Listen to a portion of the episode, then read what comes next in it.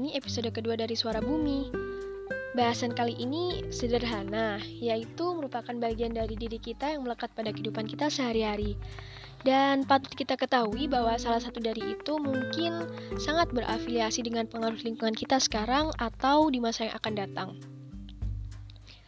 Untuk kita yang tengah ataupun akan menjajaki bumi perantauan, ketahuilah bahwa apa yang kita bawa merupakan bekal dan jati diri kita di sana. Layaknya terata yang mampu hidup di mana pun, kita dituntut untuk bertindak demikian. Namun, seni yang membuat kita tetap hidup, budaya yang membuat kita menjadi manusia. Budaya pula merupakan pola atas bagaimana kita bertindak.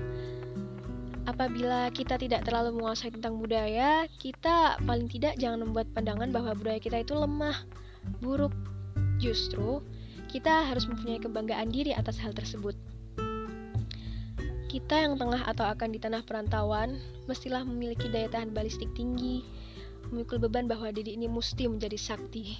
Tapi tiap personalnya punya batas, punya dindingnya sendiri, dinding yang terbentuk oleh ilusi, dinding yang terbangun dari pola pikir.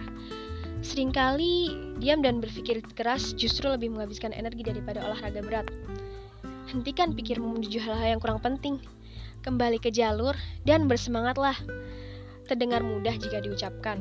Namun saat berjalan, tentu kita tertatih, merintih, melenguh, mengalami ribuan rintangan, tantangan, hambatan, bahkan dari dalam diri kita sendiri. Hmm, rebahan. Coba ingat lagi harapanmu. Apakah cukup dengan rebahan? Aku sering mengajak diriku sendiri berdiskusi. Terdengar gila, namun begitulah. Kita beranjak dan mengangkut sebuah harapan, tujuan, metode, hingga impian dan cita-cita kita angkut bersama supaya tak ada yang tertinggal dan lupa. Setelah memijakkan kaki dan mulai berjalan, baru mengerti bahwa selama ini kita berada di jalan yang konstan, namun menyesatkan. Jalan seorang pejuang adalah jalan yang sulit, susah, penuh jalan penuh dengan penderitaan. Banyak dari kita yang memimpikan keindahan sesuatu, sebuah keindahan pencapaian dari kisah yang kita bangun sendiri. Namun, tak banyak dari kita yang memimpikan penderitaan. Mengapa? Karena tak ada orang yang mau menderita tentunya. Tetapi kita tahu bahwa untuk mencapai kesuksesan atau tercapainya suatu tujuan, harga yang dibayar tentu sangat tinggi bahkan saat kepastian belum bisa diraba. Tak ada yang pasti sampai hal itu benar-benar terjadi, dan kepastian itu tak ada yang abadi. Kita hanya mengulur waktu atas itu, hanya untuk bertahan lebih lama di kepastian itu. Terkadang, saat aku bicara pada diriku, banyak sisi dariku yang menentang, namun suka atau tidak, itulah bagian dari dirimu.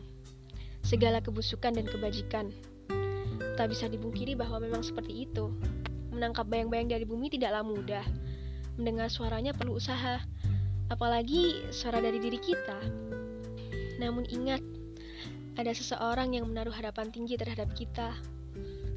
Tapi, mampukah kaki kecil ini menyusuri jalan sempit menuju ke sana? Atau kuatkah batin ini menahan segala perih itu? Layang-layang bisa terbang tinggi karena ia melawan kuatnya angin. Ikan-ikan bisa berjalan menuju hulu hilir karena ia telah bekerja keras melawan arus.